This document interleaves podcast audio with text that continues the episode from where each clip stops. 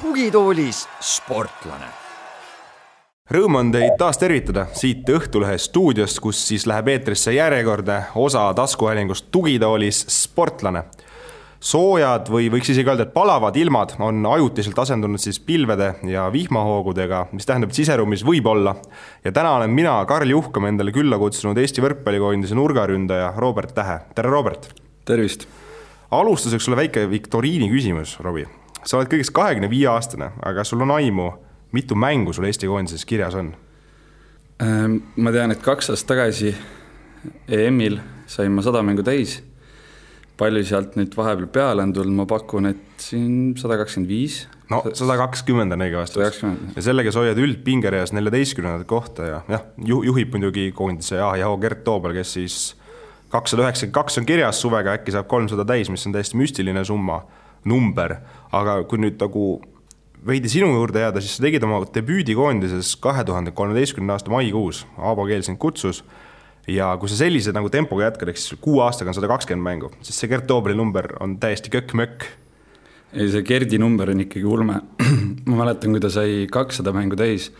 siis ma kuskil lõõpides ütlesin, et noh, kolmsada ei ole ka võimatu, aga sellel hetkel see tundus reaalselt võimatu. aga nüüd ta on sellele juba nii lähedal, et et see ei ole eraldi eesmärk minu jaoks, et võimalikult palju neid mänge seal kokku saada. No sul tegelikult väike konkurent on olemas ka, Andrei Aganitsal on sada kakskümmend kolm kirjas, eks ta on praegu sinust juba kolmega ees ja erinevalt sinust on, sai ta vist juba praegu isegi ühe mängu juurde, et ju tema on hetkel koondises, sina ei ole. ja, ja põhjus, miks sa siis koondises ei ole, on see, et peatreener Georgi Gretu andis teile kuu jagu vist, noh, sinu puhul natuke vähem lisapuhkust enne seda koondise suve, et kas need viimased paar nädalat oledki sa olnud nüüd tugitoolis sportlane, ehk siis pole üldse spordiga tegelenud? vastupidi, äh, ma olen, ma olen spordiga tegelenud, et olen ennast ikkagi jõusaalis vormis hoidnud, aga vastupidiselt, kui ma klubihooajal teen trenni ja olen tugitoolisportlane samal ajal, ehk siis väga palju vaba aega kulutan just äh, spordi vaatamisele siis hetkel puhkuse ajal ma olen väga-väga minimaalselt seda sporti jälginud, et ainult need kõige-kõige tähtsamad üritused siin Euroliiga korvpallis äh, finaal ja, ja võrkpalli meistrite liiga finaal ja natuke et, äh,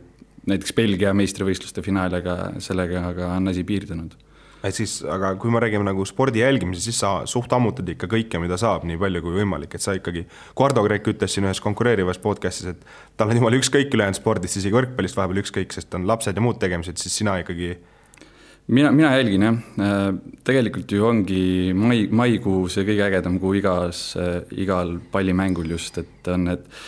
ka jalgpallis on ju poolfinaalid olid väga vinged mängud ja, ja neid mul ka õnnestus vaadata aga hooajasiseselt eh, ma ikkagi võrkpallil hoian silma peal enamasti eestlaste koduklubidel ja, ja nendes, nendel liigadel, kus ma ise olen mänginud. Noh, koduliigat või noh, Schenker liigat siis, nüüd on Kredit kakskümmend neli, vabandust, need sponsorid mm -hmm. lähevad ka ju sassi, seda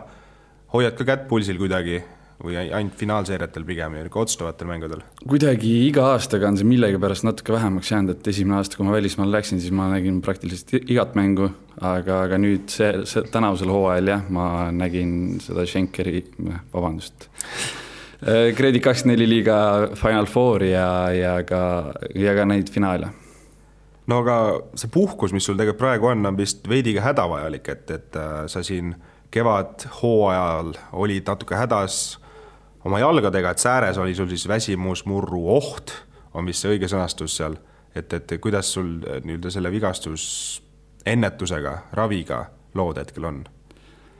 No selles suhtes jah, et oli vaja seda puhkust igalt poolt, eh, kellega ma sellest eh, nii-öelda sellest vigastust rääkinud olen, on öelnud, et parim ravim selle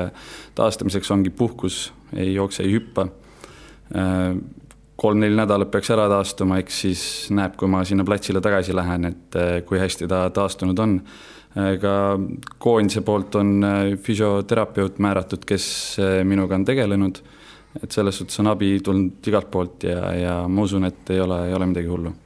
no samas terve hooaja sa ikkagi tegid kaasa, kuigi sa ise ütlesid ka, et sul löögikõrgus on, ütleme tipphetkest kümme-viisteist sentimeetrit madalam, et see ikkagi andis konkreetselt ka nagu väljakul ja mängule tunda, et, et kas see on nagu, oli selles suhtes nagu hambad ristis paugutamine sul nagu ka hea sõnul Rene Teppanil, kes oli siin seljaga hädas, et lihtsalt tuligi mängida, et ei olnud teist varianti? Jah, see vigastus äh,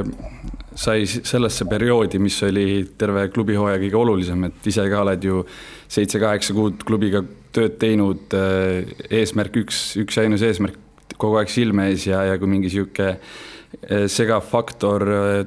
tuleb isegi, aga kui ta sul natukenegi seal hüpata ja liigutada laseb, et siis sa sellega kuhugi pingi otsale ei taha jääda ja ja mingis mõttes oli hambad ristis paugutamine, trennis ma väga ei hüpanud enam mingi aeg ja et jah, vaimule mõjus see ka pigem halvasti ja et sellele just need hüppe, hüppenäitajad muutusid seal madalamaks ja madalamaks, et lasin sellest ka mingil hetkel kindlasti ennast liiga palju häirida, mingi hetk suutsin seda paremini ära unustada.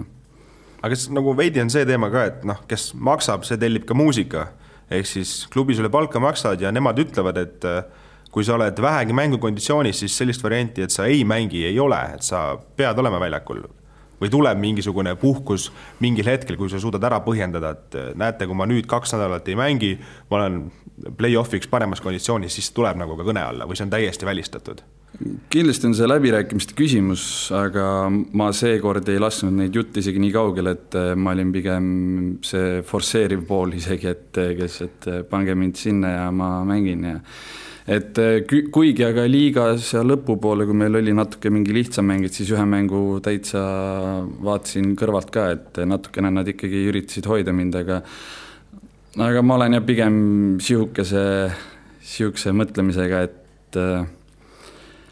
et kui ma natukenegi saan liigutada, siis ma üritan ikkagi seal väljakul olla ja, ja et ütleme, et treenerite,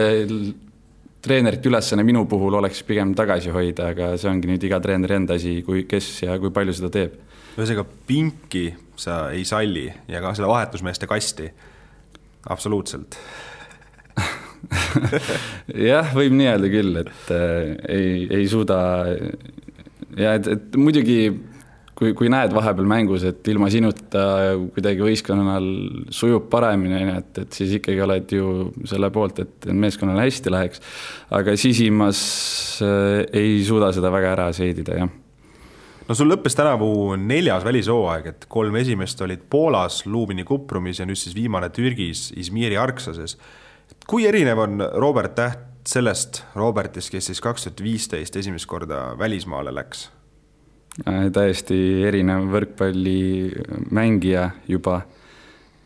noh, jah, ja, ja, ka, ka inimene kindlasti, et läksin ju täiesti kogemuse pagasita sinna Poola õnneks oli mul seal äh, Alar Rikberg, koondise statistik, Keit Pupart, äh, koondise nurgamängija ja, ja ka Gianni Gretu ja Mirko Fasini ja et, et ühesõnaga see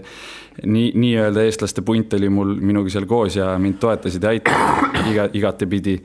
et sellest oli suur abi, aga ütleme nii, et noorena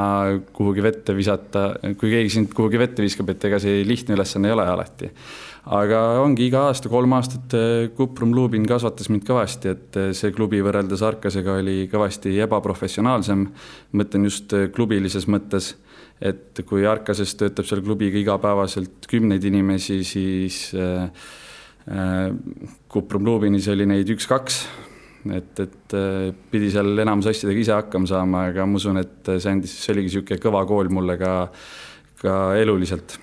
no toonane minek oli tegelikult äh, paljuski noh, peatreener Gretule, kes ju sinna kaasa võttis, ise ta ju samal ajal seal juhendajana töötas.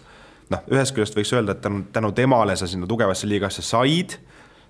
samas, ega sul midagi seal ei kingitud, et esimesed pool aastat olid seal pehmelt öeldes rätiku joogipoiss, ma olen ikkagi aru saanud, et palle said maha taguda ainult trennis ja siis kodus vihast vastu seina vist, kui platsile ei saanud jah, et äh, see oli väga muserdav esimene poolaasta minu jaoks ja samamoodi jälle kasvatav. tagasi vaadata on alati hea ja lihtne, aga selles olukorras seal momendis sees olles see nii lihtne ei ole, et äh, jah, mind võeti sinna kolmandaks või neljandaks nurgaks, isegi peatreener Gretu minusse uskus. Äh, mul oli küll leping Tartuga veel all, aga, aga ta suutis klubi ära veenda, et, et tasub välja osta ma olen ülitänulik, et ma selle võimaluse sain nüüd tagasi vaadates ja, ja lõpuks tekkis ka esimesel hooajal juba see võimalus, et mind pandi väljakule ja, ja suutsin seal väljakul püsida alates sellest hetkest, kui mind sinna pandi, kuni siis hooaja lõpuni. Kuidas sinusse seal üldse nagu suhtuti, kui sa sinna läksid, et, et noh, sa ei olnud, sa ei olnud mees metsas, sa olid mees mitte kusagilt, sellepärast et Poola jaoks noh, tol hetkel Tartust tulnud mees, no see on pehmelt öeldes rahvaliiga ju nende jaoks. Nad ikkagi suhtuvad ilmselt veidi üleolevalt, võib-olla on see suhtumine paranenud selles suhtes mm, -hmm. aga kuidas nagu oli sinna minna täiesti ei kellegina ja siis öelda, et jah, vot see suhtumine just nagu sealsete meeste poolt, kes tegelikult on ju kodumaal staarid, sest Poolas on võrkpall no peaaegu et number üks spordiala mm. -hmm. koondises olin õnneks juba mänginud ja meil oli minu arust seesama aasta Euroliigas äh, oli vastaseks Poola siis teine tiim ja mõned mängijad sealt olid ka Kuprum Lubinis minu tulevased siis klubikaaslased, ehk siis nemad mind natukene teadsid ja võib-olla siis natukene sillutasid seda teed, et kes see mees on täpsemalt. aga üldiselt küll jah, et äh, mees jäi kusagilt ja, ja Kuprum Lubin ju aasta enne seda oli ka, tegi väga põhiturniiri viiendusvõistkond, ehk siis päris niisugune tugevasse meeskonda kohe ja, ja võeti mingi eestlane, et, et äh, eks see oligi, nime, nime tuli kuidagi teha ja kuidagi see lõpuks ka õnnestus, et, et mind seal ju kolm aastat veel hoiti. meil siin äh, volle eksperdid võtavad tihti ühes Facebookis olevas grupis sõna, et, et, et Eestist on sisuliselt võimatu välismaale saada, et, et tegelikult tulebki kasutada noh, mingit Šveitsi liigat või Tšehhi liigat sellise asja hüppelauana. noh, sinul nii-öelda need etapid jäid pooleldi tänu õnnele, pooleldi tänu sinu enda oskustele vahele, et, et kas see hüpe Poola liiga, mida peetakse ikkagi noh, Euroopa top kolm liigaks, kas see hüpe oli kuidagi suur või hirmutav ka sel hetkel või see oligi väljakutse ikkagi sinu jaoks? See oli väljakutse, see oli suur ja hirmutav, aga samas ma nagu väga kindlalt ei teadnud ka, kuhu ma satun või mis, mis keskkond, et, et kui ma sinna läksin, ma teadsin, et tegemist on tugeva liigaga, aga mul oli ka see tahtmine, suur tahtmine välismaale saada. ehk siis, kui see pakkumine tuli, siis ma ei, ei mõelnud praktiliselt üldse, vaid sinna alla kirjutasin. aga jah, see, mis mind sealt ees ootas, et kui ma nägin, mis tasemel see mäng nagu reaalselt toimub ja mis tasemel tuleb hakkama saada, siis see ikkagi, ikkagi oli hirmutav, aga jällegi tänaseks ma olen ülitänulik, et ma just sain Poola liigas selle algkogemused ja selle võrkpallivaate just sealt, et et tõesti, Eestist on keeruline jätkuvalt välja saada kohe mingisse tugevasse klubisse, et tulebki kasutada neid hüppelaudu, aga neid tuleb teha ka väga mõtestatult läbi, et mingid üleminekud, mis ma ise olen siin mõelnud teatud mängijate puhul, nendest ma ei ole päris täpselt aru saanud, et aga, aga noh, see ongi iga mängija, mängija enda asi. ja, ja noh, samas ma ka tean, et jah, et igale poole paremaid variante võib-olla tõesti ei olegi laual. Kui palju te üldse omavahel räägite koondislastega, treeneritega, Janiga, siit Aavo keelega näiteks, et, et noh, mul on laual selline pakkumine, et sa oled mänginud seal liigas, kas tasuks minna, kuidas seal olemised on ja see maa kuulamine, omavahel konsulteerimine, kui palju seda teil on? Mm, minul isiklikult jah, Gianniga ma olen kõikvõimalikud variandid praktiliselt läbi rääkinud, kui mingid sahinad on tekkinud, mingid sahinad on kindlamaks läinud, et et siis ma olen talle ikkagi helistanud ja, ja temaga asja arutanud. Ähm, noh, igas mõttes, et, et ja ma arvan, et seda teevad ka väga paljud teised koondis, koondislased ja teine asi on muidugi see, et Gianni ise äh, otsib väga paljudele pakkumisi välismaalt, et ta tegeleb niisuguse agendil, äh, et ta on väikest viisi agent ka meile kõigile seal koondises jah, see selle kohta ütleme nii, et ühest küljest väga tänulik töö, teisest küljest kõik Eesti volleklubi ju, juhid on tema peale natuke tigedad seetõttu, et kodumaal enam kedagi ei jää, aga kui sa sinna Poola läksid, siis alguses sa olid ikkagi no kommiraha mees, aga nii-öelda siis see esimese aasta teine pool, kus sul õnnestus ennast tõestada pärast seda sõlmisid klubiga uue lepingu, mis oli kaheaastane. See vist on äh, nii-öelda jutuvärkides senise vollekarjääri suurim viga või? nojah, tagantjärgi jälle ei tea, mis või kuidas ja seda ei saa kunagi teada, et mis oleks olnud, kui ma ei oleks sõlminud seda lepingut, aga tollel hetkel tundus see mulle mõistlik idee. et äh, klubi, sihuke klubi tahtis mind kaheks aastaks veel, kuigi jah, see oli ka, ma ise eeldasin ja mäletan väga selgelt, et ka Gretu eeldas, et tema jätkab ka selles klubis veel kaks aastat, ehk siis ma teen tema, temaga koostööd jätkuvalt aga pärast seal minu teist hooaega, ehk siis lasti Gretu lahti nii-öelda, et seal toimus presidentide vahetus ja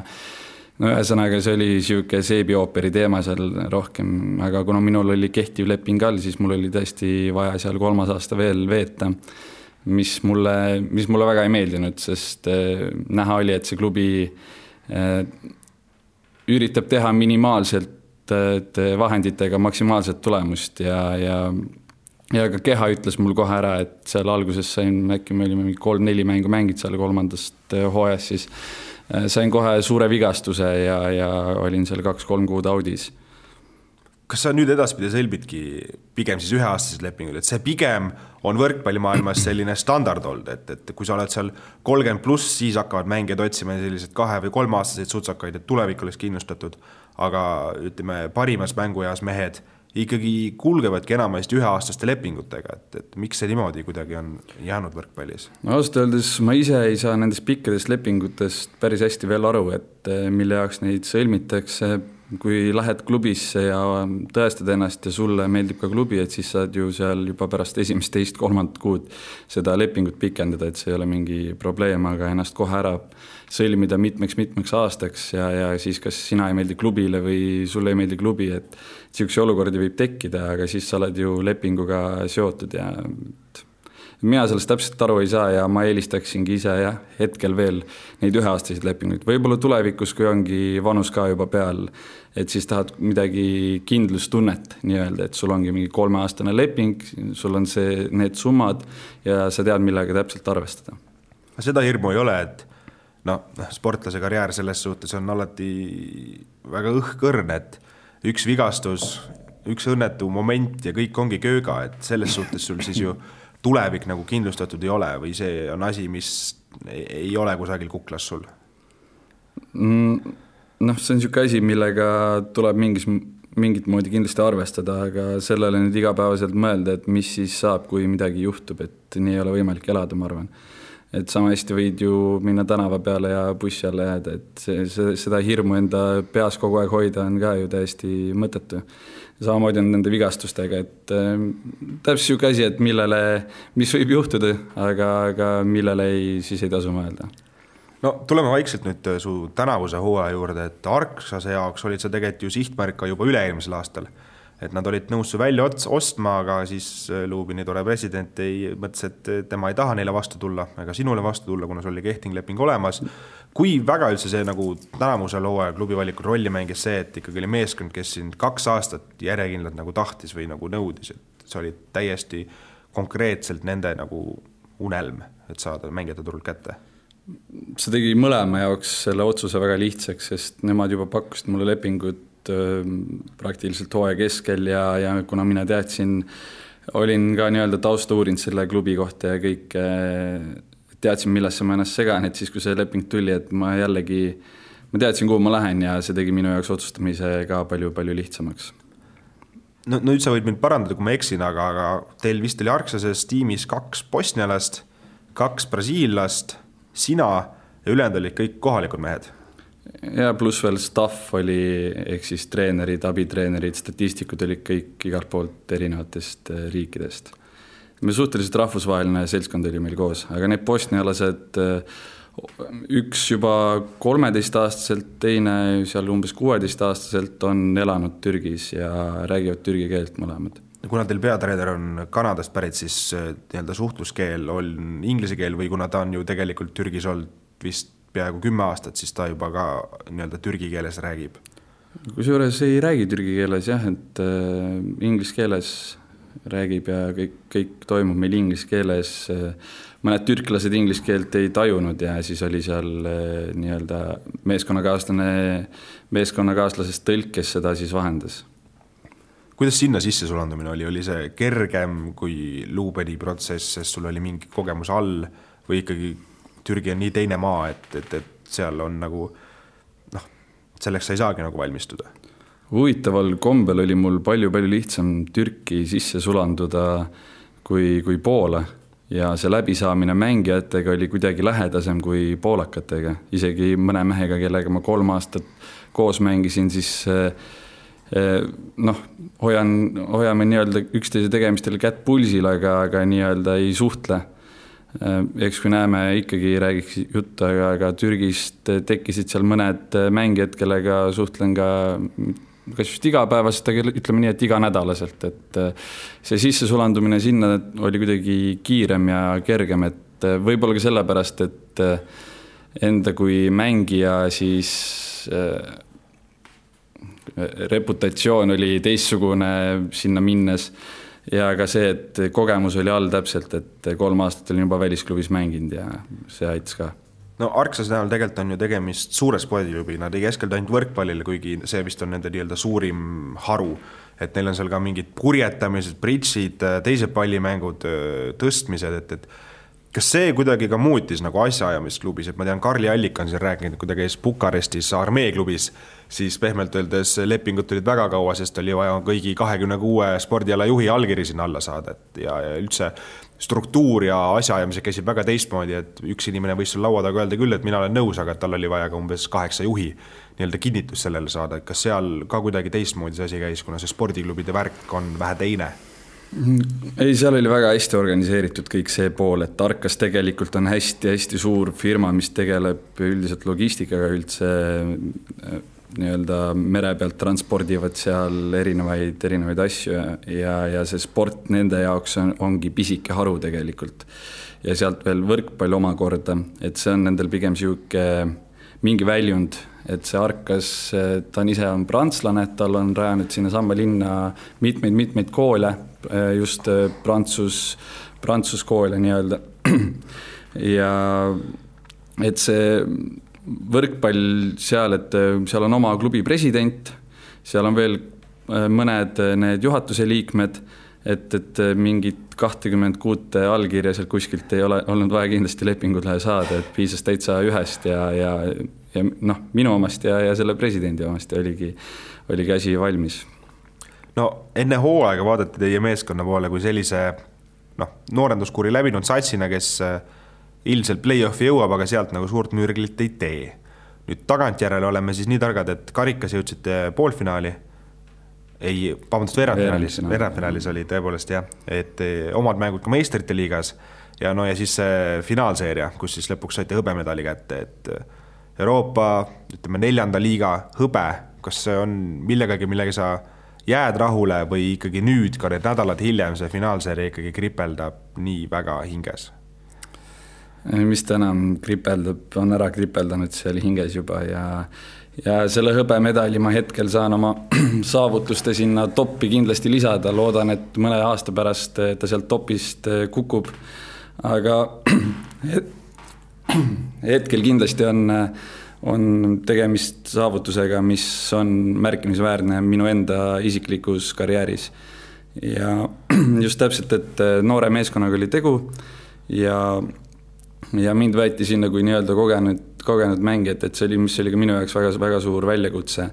ja hooaja arenedes me hakkasime mängima väga palju paremat võrkpalli, see arusaamine üksteisest oli, läks ka palju-palju paremaks ja selleks tasuks ka see finaali koht no tegelikult on ju naljakas öelda, et sa oled kahekümne viie aastane ja siis sinu otsa vaadati kui kogenud pallurile, kes siis teisi peaks kuidagi, ma ei tea, pea jah, jahedana hoidma või maa peale kutsuma, et äh, ma ei ütleks, et äh, rahulikkus või selline mõõdukus väljakul su kõige suurem trump on, et pigem sa oled ikkagi see mees, kes seal plahvatab ja hüppab ja põrkab nii, et vähe pole. et ähm, oli seda rolli sul lihtne omaks võtta ähm,? Sellest arusaamine võttis mul aega jah, ja, ja ütleme niimoodi, et aga kui sul ongi seal väljakul eh, kahekümne-aastane diagonaal, kahekümne kolme aastane nurk, kes mängib esimest korda põhikoosseisus, eh, et, et siis ongi, tulebki kuidagi ise olla ja meil noh, sidemängija oli küll kolmekümne aastane, aga ta ei olnud ka niisugune mees, kes, ma mõtlen, et Gerdi-sugune mees näiteks, kes seda asja seal ohjab jubedalt ja et siis keegi pidi selle nii-öelda rolli võtma ja mingi aeg ma sain aru, et mina pean see olema, kes seal natuke rahustab seda, kuigi jah, see oli mulle väga keeruline, et et mingi aeg seda energiat läks liiga palju valesse kohta, et ei suutnud võib-olla jah, oma mängus nii palju kinni, kinni püsida, aga, aga kindlasti jälle väga-väga õpetav ehk siis sa ikkagi pidid neid reaalselt ka kantseldama, ütleme, mingi treeningutel ja, ja, ja või noh, ma ei saa öelda, et isa rolli täitma selles suhtes. ei, ei, ei, isa ma ei mänginud päris kindlasti, aga trennides äh, olin küll see mees jah, kes äh, kutsus natuke korrale või natukene jagas seal mingeid õpetussõnu või kui seal jah läks asi natuke lappama, et siis, ähm, et treener võib-olla kogu aeg ei peaks ennast välja elama, et siis ma ise ka natukene ikka ütlesin seal paar harvemat sõna mõnele mehele, kellele, kes, kellele need sõnad ära kulusid. kas türklased solvuvad kergelt või noh, üldse noh, okei, sul oli seal ka brasiillased, bosniased selles suhtes, aga Türgi mm. kultuur, öeldakse seal otse näkku asju või on sellised ma arvan, et pigem ei öelda, see tundub, see tundub niisugune natuke ümber nurga kultuur seal jah, et äh, ma arvan, et eestlased on ikkagi otsekohesemad. selge, aga kui sa mainisid, et see hetkel on see hõbemedal siis su nii-öelda isiklike saavutuste topis, siis äh, kas, kui sa lükkad nüüd koondise asjad sinna juurde, ütleme Euroopa kuldliiga, maailmaliiga, see kolmas tugevusgrupp, kas need asjad on seal kõrval või on nagu sul klubi ja koondis on nagu kaks ise asja? ei ole, ma võtan neid nii-öelda ühena ikkagi, et eh, saavutusena, aga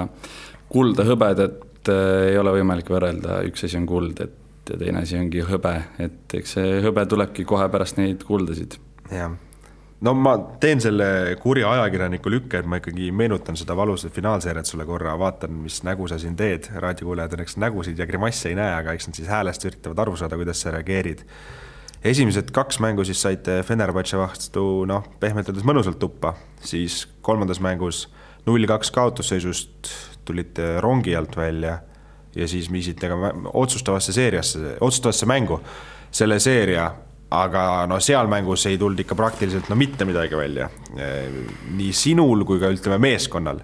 et see, oled sa seda mängu tagantjärele analüüsinud, peas mingi videos seda vaadanud, meeskonnaga arutasite seda mängu üldse ka? ei, ütlesin kohe pärast seda mängu ka, et äh, täna praegu me sellest mängust ei räägi, et oli, mis oli, noh, et äh, sellelt emotsiooni pealt mingeid asju analüüsida, arutada, et see ei ole mõttekas tegu mõttekas eh, tegutsemine. aga jah, vägev seeria oli tegelikult, et äh, pole midagi öelda. viies mäng läks lihtsalt täiesti aia taha, tõesti. ma ei tea, mis põhjustel, noh, tegelikult natuke tean, eks sinna kahe kõrva vahele see kogu meeskonnal ikkagi lõpuks jäi jäime ootama seal midagi, et ongi nii, et tulemegi sealt kaks-null kaotusseisust mängudega, kaks-null game'idega kolmandas mängus taga ja tulemegi välja, teemegi nii-öelda ajalugu, et ja vajutame ära ja tulemegi meistriks, et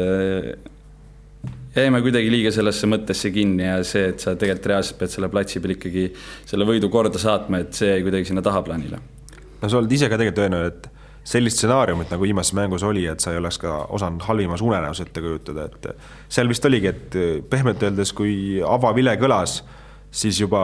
noh, noh, ütleme paralleelina siis, et astusid vale jalaga voodist välja, et seal astusid vale jalaga platsile ja lihtsalt nii läkski see mäng. jah et löödi meid seal kohe alguses jalust natuke nõrgaks ja ja me ei leidnudki seda viisi, kuidas sinna mängu tagasi suunduda, võib-olla oli see mäng meil jälle see treeneri puudus seal väljaku kõrvalt, mees, kes,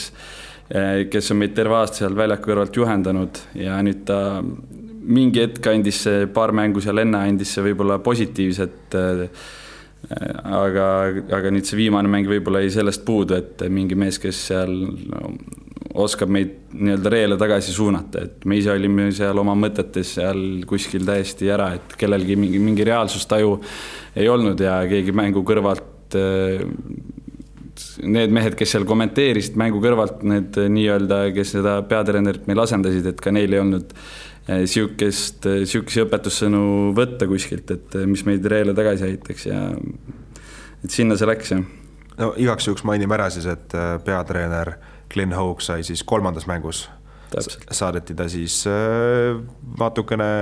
vulgaarsete ja valjuhäälsete ütlemiste pärast siis minema. natuke füüsiliseks läks ka ikka. et, et sellepärast teda siis kolmandas, neljandas ja viiendas mängus ei olnud, et ähm, oli see noh, sa siin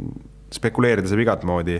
tol hetkel teadlik lüke, see kolmas mäng, et nägigi, et niikuinii oleme lootuses seisus, et ma siis hüppan ise bussi ette ja vaadake mehed ise, kuidas välja tulete ja kui tulete, olete kõvad mehed mulle jäi niisugune mulje, ma ei tea, see on võib-olla lihtsalt mu enda mingi, mingi, mingi teooria, aga tema seda ei kinnitanud, kuigi jah, pärast mängu ma kohe ütlesin talle, ta oli, ta oli ikka pärast mängu ka veel väga niisugune pumped up, et äh, äksi täis. tuli, pani mulle peaga niimoodi pead kokku ja röökis, et ma ei ole teda niisugusena näinud terve see hooaeg. Siis ma ütlesin talle, et äh, aitäh, treener,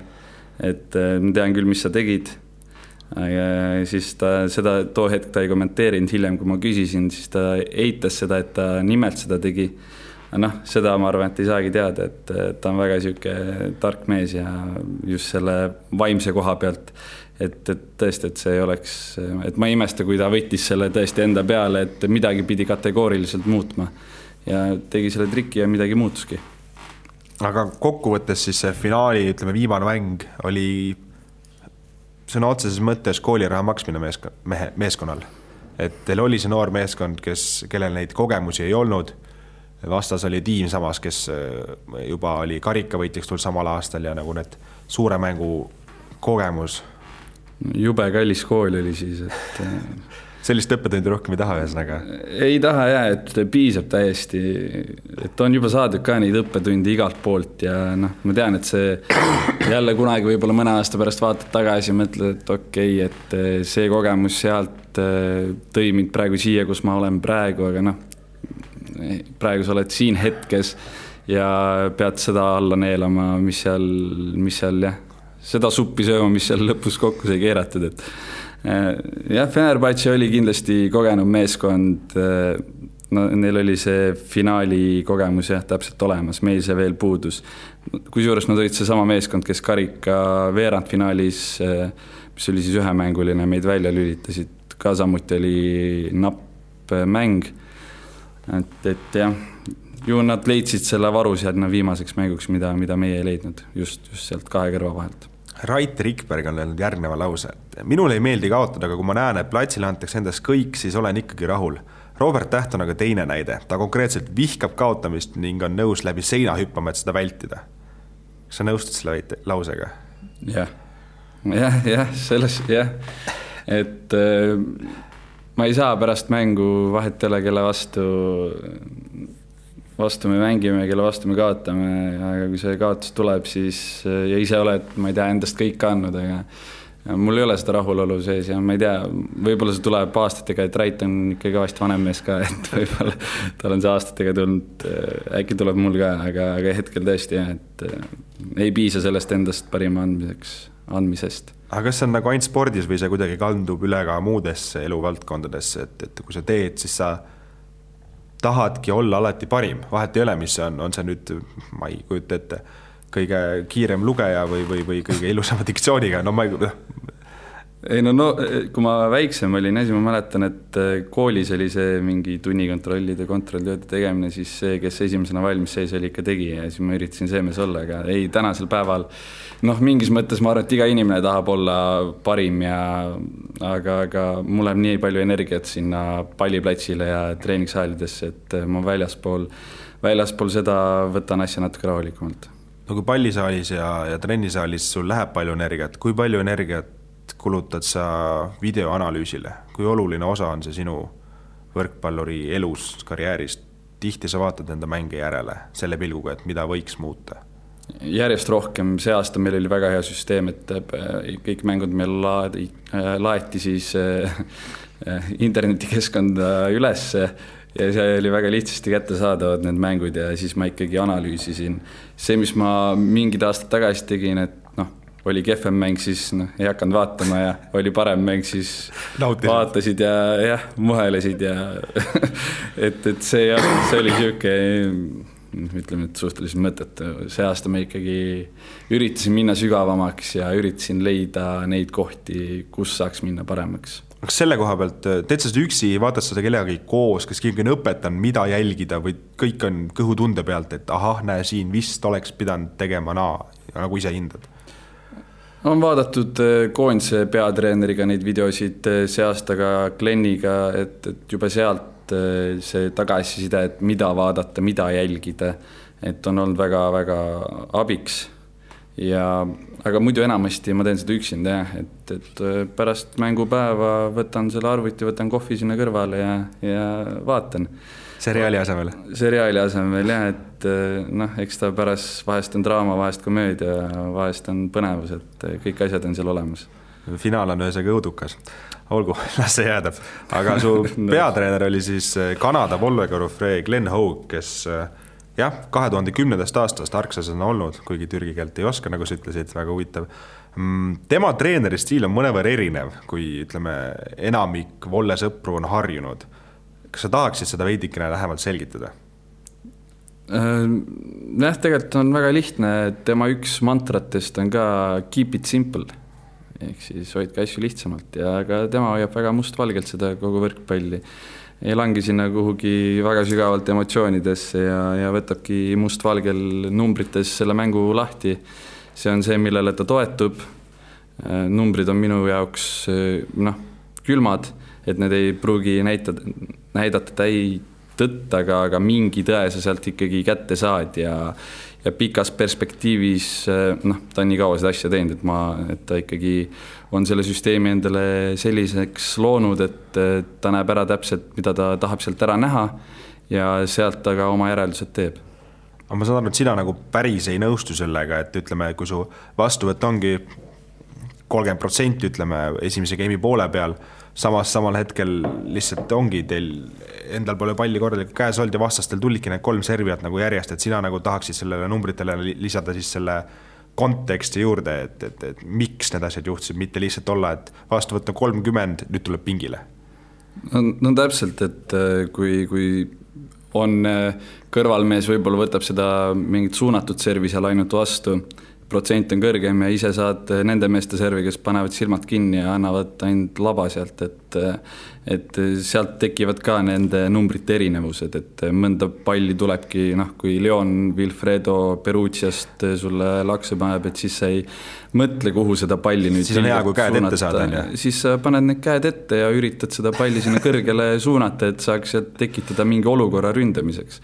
et see on ainuke mõistlik lahendus jah, et see pall tuleb ikkagi teiste kiirustega ja neid mehi on veel, neid mehi on igas liigas, kes suudavad niisugust silmad kinni servi vajutada. ja täpselt, et minu jaoks on need numbrid eh, natuke liiga külmad vahest. Kui ma sinuga Tunamullu Õhtulehe ühte suure intervjuu tegin, kui sa veel Luubinis olid, siis sa ütlesid, et no tegemist on linnaga, kus pole mitte midagi teha, see oli kaevanduslinn ja noh, oligi pallisaali, trenn ja siis oli kodus arvutada ka seriaali vaatamist või siis vaat-, nautisid iseenda mängu, on ju. et kas nüüd äh, Vahemere rannikul äh, Izmir oli selles osas elu veidi ilusam ähm,? soe kliima, vigastusoht väiksem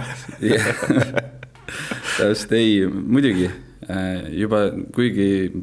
sa oled nii väsinud seal tegelikult terve see hooaja vältel, et ega seal väga palju midagi teha ei jõua, aga, aga juba see teadmine, et, et sul on võimalik mingi, midagi teha, et see annab juba nii palju oma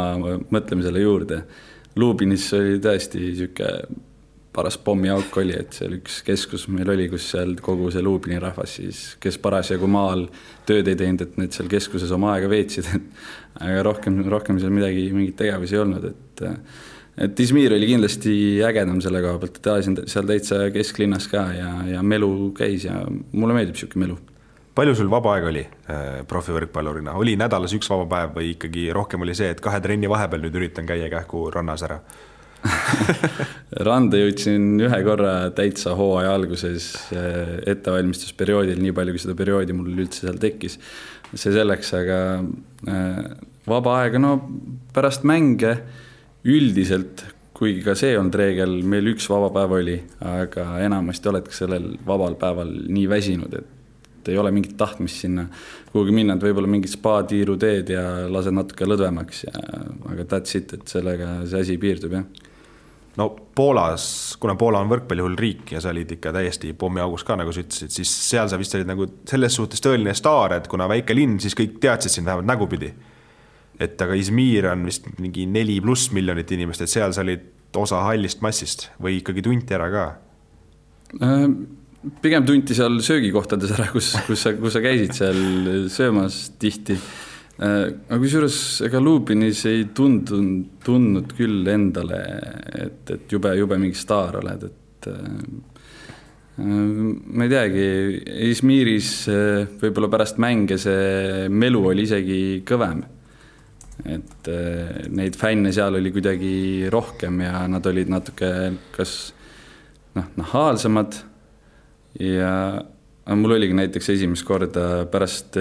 viimast mängu alati pärast mängu meil saali ukse ees koguneb suur rahvamass, enamasti nad on pisikesed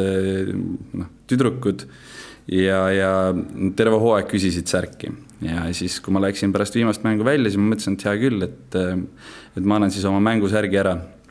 kogunes terve, terve parv sinna ümber, panin oma koti maha ma tõmbasin selle luku lahti ja juba lendasid kõik sinna mu koti peale, noh, pea ees sisse. see kott tõmmati täiesti ribadeks, mult võeti sealt kotist kõik ära, mis seal oli, plätud, needsamad, need sokid, higised sokid, millega ma just mängisin äh,. aluspesu, kõik läks noh, ja siis päris niisugune nahaalne, ma, ma ei osanud kuidagi reageerida ka, et. kott jäi alles või kott tõmmati ka ära? Kott jäi alles, kott jäeti sinna maha. Äh, viisakad vähemalt ikkagi. jah, ja hüppeliigese kaitsme sain tagasi, vot, sest seda ma küsisin, mul nagu oleks vaja seda äkki annate tagasi jah, ja natuke hiljem veel nägin ühte vanemat naisterahvast, kes tuli minu juurde, ütles niisugusel kurjustaval toonil veel, et miks te mu tütrele ainult ühe plätu andsite Sorry, et et see oli niisugune huvitav lugu jah, et aga, et türklased on võib-olla natukene nahaalsemad ja, ja väljendavad seda natuke rohkem,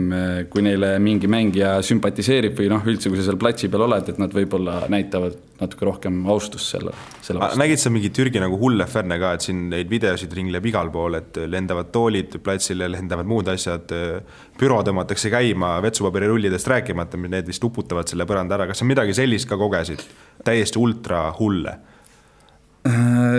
paar, paaris mängus äh, läks meil ohtlikuks tõesti, et ühes mängus oleks peaaegu mäng katkestatud, sest sidemängija läks vist servima ja sai mingi asjaga vastu pead seal tribüünilt lendas midagi, et noh, see on niisugune ajuvaba värk, aga, aga noh, see pisemas kohas oli kuskil seal Türgi sisemaal, et seal on natukene teistsugused inimesed ka kui, kui mereäärsetes äh, linnades. aga üldiselt midagi väga-väga hullu ei juhtunud aga selliseid värke ei ole, ma tean, siin Sergei Pareiko on rääkinud kunagi, kui ta Itaalias mängis vist, et et mäng läks kehvasti, ta mängis mingi amatöörliigas, aga ikkagi oli see, et buss lihtsalt peatati kinni ja mingid tüübid tulid tänaval vastu ja hakkasid õiglust nõudma, et mis, mis toimub, et, et, et midagi sellist oli, et kui sa räägid, et väiksed tüdrukud olid ukse, saali ukse taga, siis kas mingil hetkel, kui kaks mängu järjest kaotasid, olid seal ka natukene suuremad mehed ja natukene kiilakamad tundub, et need, need mehed äh, on seal rohkem äh, jalgpalli peal, et aga, aga et sihukest jah, olukorda ei olnud, et keegi sulle tuleb midagi ette heitma. aga, aga Türgis on jah, ju jalgpall on ikka niivõrd number üks, et seal pikk-pikk maa, siis tuleb kohe korvpall ja, ja siis veel pikem maa ja siis tuleb alles võrkpall, et et see on ka selge ja need klubid, need üldse Türgi on jaotunud seal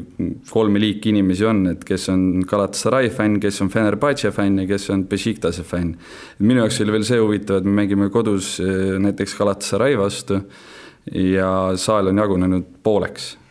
pooled on Galatasaray fännid, pooled on meie fännid. on mingid tarakanil vahel või istuvad ikkagi sõbralikult külg kõrge kõrval? Äh, nad er-, istusid eraldi tribüüni pooltel, aga, aga ma arvan, et need võrkpallifännid nii vägivaldselt, kuigi ma ei tea, neid jalgpallihulle käib seal võrkpallimängudel ka, et ma tean näiteks, et kui äh, Galatasaray ja Istanbuli võrkpalliklubid mängivad samas saalis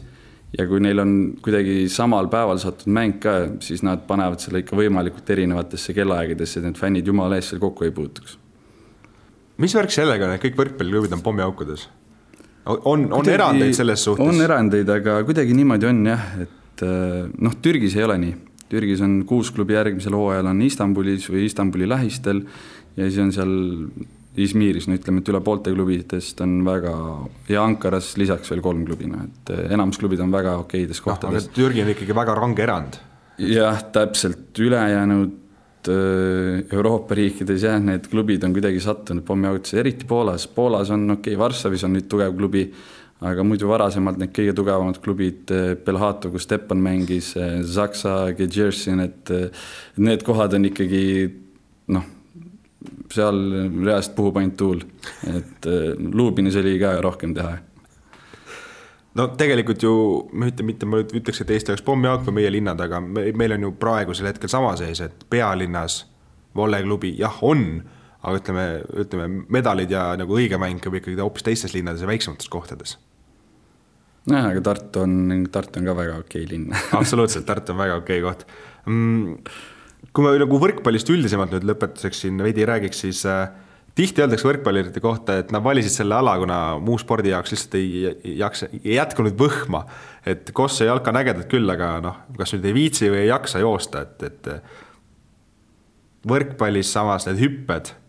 ega vist keegi ei mõista, kui läbi sa oled äh, selle mängu lõpuks, kuni sa ise seda proovinud ei ole, ma käisin eelmisel aastal korraks Mart Tiisere vastu Ranna Vollet mängimas pulli pärast tegime video, ma pidasin vastu täpselt kolm minutit, siis mul oli keel vestil sõna otseses mõttes. Muidugi Terase hallis on liiv ka veidike sügavam kui tavalises rannas, selles suhtes, eks ole, raskem. aga need hüpped ja asjad, see vist on, ta on kordades väsitavam, kui televiisorist paistab. jah, tõesti, et äh, sa nii-öelda oma võhma ei kuluta, aga sul lihas vastupidavus siiski, et sa teed seal esimeses game'is sama suure hüppe, sama terava liigutuse, teed äh, nagu viiendas game'is jah, et pärast kahte tundi, et äh, sa pead seda, see lihas peab olema selleks harjunud, et see lihtne ei ole. ja sinna kategooriasse mina ka ei kuulu, kes valis võrkpalli lihtsalt sellepärast, et äh, võhma ei jätkunud. mulle lihtsalt jah, meeldis see ala. no teil oli tiimis üks äh, Brasiilia veteran, Juan Paula Pereira, Bravo, mis iganes, kuidas teie teda kutsusite? Bravoks. Bravo, no ta on, sai nelikümmend vist tänavu jah ja,, et, et äh, ka Gert Toobel hakkab äh, suvel viiendat-kümnendat käima, et, et, et äh, Aavo Keel mängis väga kaua, neid näiteid on küll ja veel, et kas võrkpall nagu ongi mäng, mida saab rahus mängida kõrge eani või selleks ikkagi peab õnne olema, et sul need liigesed ja põlved kõik nagu sellele põrgatustele vastu peavad? jälle jah, õnne peab olema, peab olema professionaalsust ja peab olema tahtmist, et need kõik kokku, siis sa võib-olla kestad, aga äh, eks see, eks see lihtne ei ole ja see, need on erandid, et äh, sidemängijana võib-olla natukene lihtsam säilida. Äh, et see säilivusaeg on natukene kauem, aga pikem, aga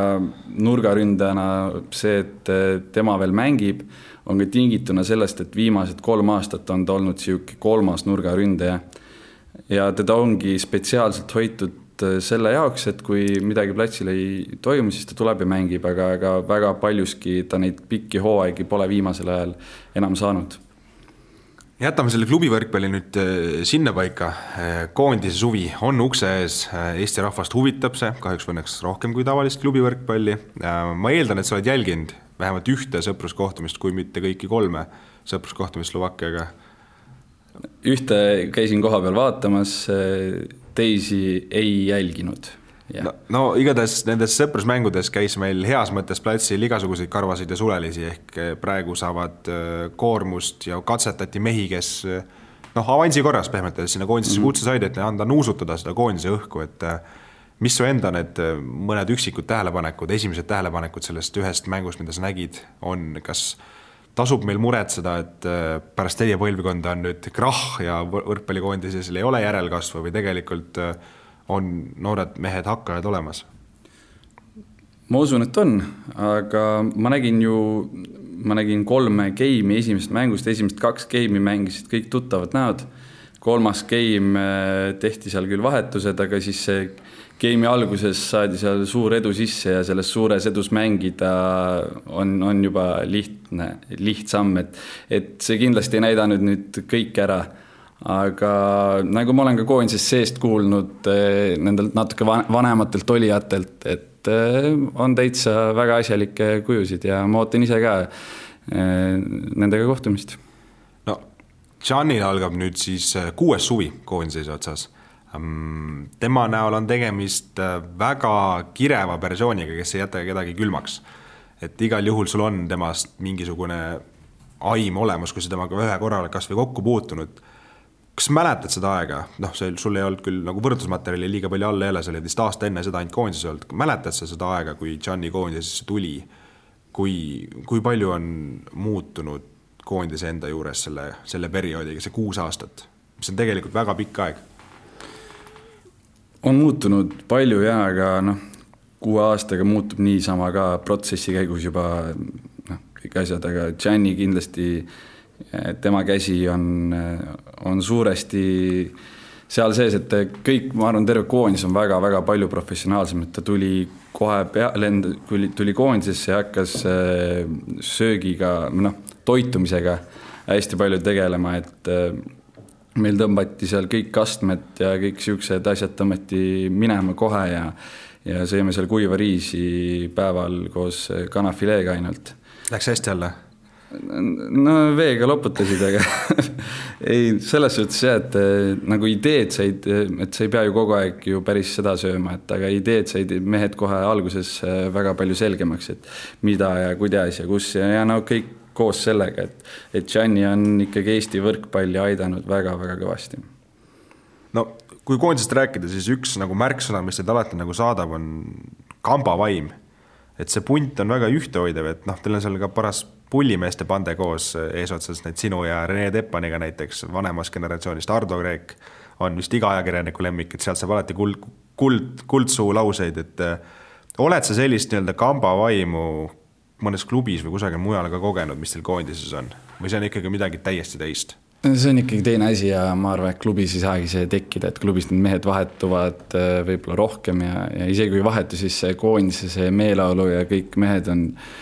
äh, teevad seda asja ainult südamega ja on seal ühise eesmärgi nimel väljas ja äh, mulle väga on meeldinud, kuidas Teppan ja Venno on näiteks kommenteerinud seda, et et kuidas te umbes alla neelate, et üksteist on pingi peal ja teine mängib ja mõlemad on öelnud ühest suust, et meil ei ole vahet, et peaasi, et Eesti meeskonnale hästi läheks, et et täpselt nii on ka meil koondises, et kõik mehed hoiavad kokku ja see kamba vaim on seal Äh, nii treenipäevadel kui mängupäevadel kui ka pärast mängu, kui sa, on midagi tähistada või isegi kui ei ole, et äh, me hoiame kokku ja, ja et me oleme niisugune ühtne rusikas, et. no kui me võtame koondise, ütleme võtmemehed, sina, Agani, Stepan, kõik olete ühe aastaga mehed kakskümmend viis, et äh, Tammemaa on nüüd kakskümmend seitse, Venno sai paar päeva tagasi kakskümmend kaheksa. kui sügisesse nüüd vaadata te olete nagu selles mängumehe eas, kus on tulemust vaja, kas äh, te ise lähete ka EM-ile selle mõttega peale või rohkem on see, et äh, üks mäng korraga, et alagrupist edasi ja siis üks mäng korraga? Või on mingisugune siin ei ole midagi vaadata, üks mäng korraga jah, et äh, seda üks mäng korraga, seda tuleb teha siis, kui see asi pihta hakkab, aga eks me teame kõik jah, mida me peame tegema, et sellest lihtsalt kõva häälega rääkida ei, ei taha väga ja ja eks see paneb lihtsalt niisugust äh, lisapinget võib-olla iseendale peale, kui neid äh, mingeid suuri eesmärke välja hõigata kõigile, et äh, me teame ise, mis me tegema peame, me teeme terve suvi selle nimel tööd, et meil see õnnestuks ja eks me siis näeme seal pärast seda EM-turniiri, mida me saavutasime ja kas me üldse midagi saavutasime. noh, samas ju neid mehi, kes neid välja ütlevad, tõsi, mõnikord või pigem väga tihti ajakirjanike küsimuste ajendil, et, et, et ütleme, esikaheksasse jõuda on nagu kindel soov, neid mehi on ja neid mehi ei ole ainult üks ja kaks, et võtta kas või Võrkpalliliidu president Hanno Pevkur, kes ka koondise tutvustamisel võrdlemisi selgesõnaliselt ütles, et esikaheksa on eesmärk. et kas need pinged ikkagi on reaalselt, kui nendest räägitakse, et jah, nüüd meil ongi vaja tulemust, meil on vaja tulemust, me ei saa lihtsalt alagruppi, noh, see muidugi, see oleks katastroof ka, kui te alagruppi praegu pidama jääksite laiendanud, laiendunud EM-iga. aga need pinged äh, igapäevaselt, on need tajutavad ka koondises? noh, ma hetkel ei ole koondises praegu olnud seal seda õhkkonda tajunud ja ma arvan, et äh, see nii-öelda pinge tuleb seal peale äh, juuli lõpp, august, kui me hakkame uuesti selleks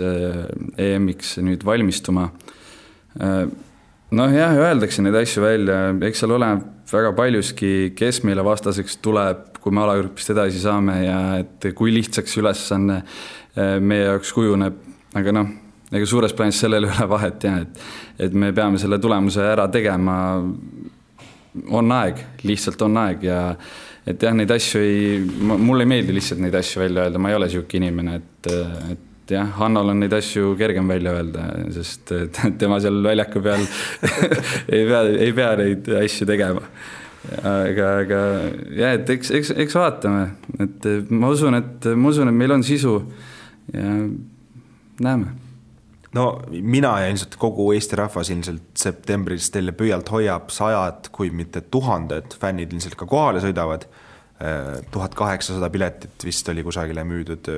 ma loodan, et ma seda numbrit nüüd täiesti lambist ei võtnud. aga igatahes eeldan, et esimesed piletid on ammu läbi. et äh, koduseinad ka võõrsil natukene. No viimasel ajal me oleme nende koduseintega ära harjunud, mugavaks läinud, ma ei teagi, mis saab. ära hellitatud. ära hellitatud, täpselt, et ma ei teagi, mis saab, kui meil need koduseinad järsku ära kaovad et, et see on ainult kõik väga-väga heas mõttes ja tõesti, et, et see koondise, see võrkpall on Eestis populaarsemaks läinud ja just see fännlus on äh, pilti tulnud ja inimestel tekib ka see ühtehoidmistunne ja et niisugust äh, väikest viisi mingi laulupeo tunne, et inimesed tulevad kokku ja, ja tulevad nüüd mingi, mingi grupp, osa nendest tuleb ka meie jaoks kokku ja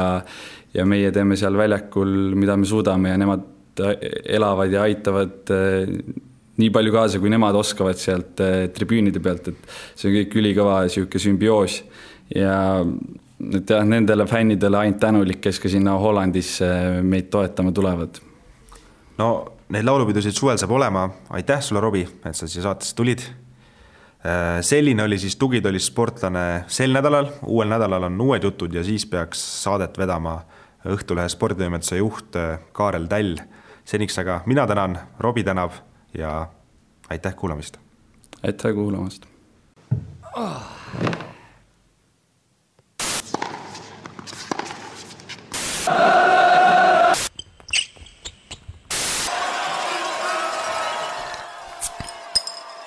Tugitoolis sportlane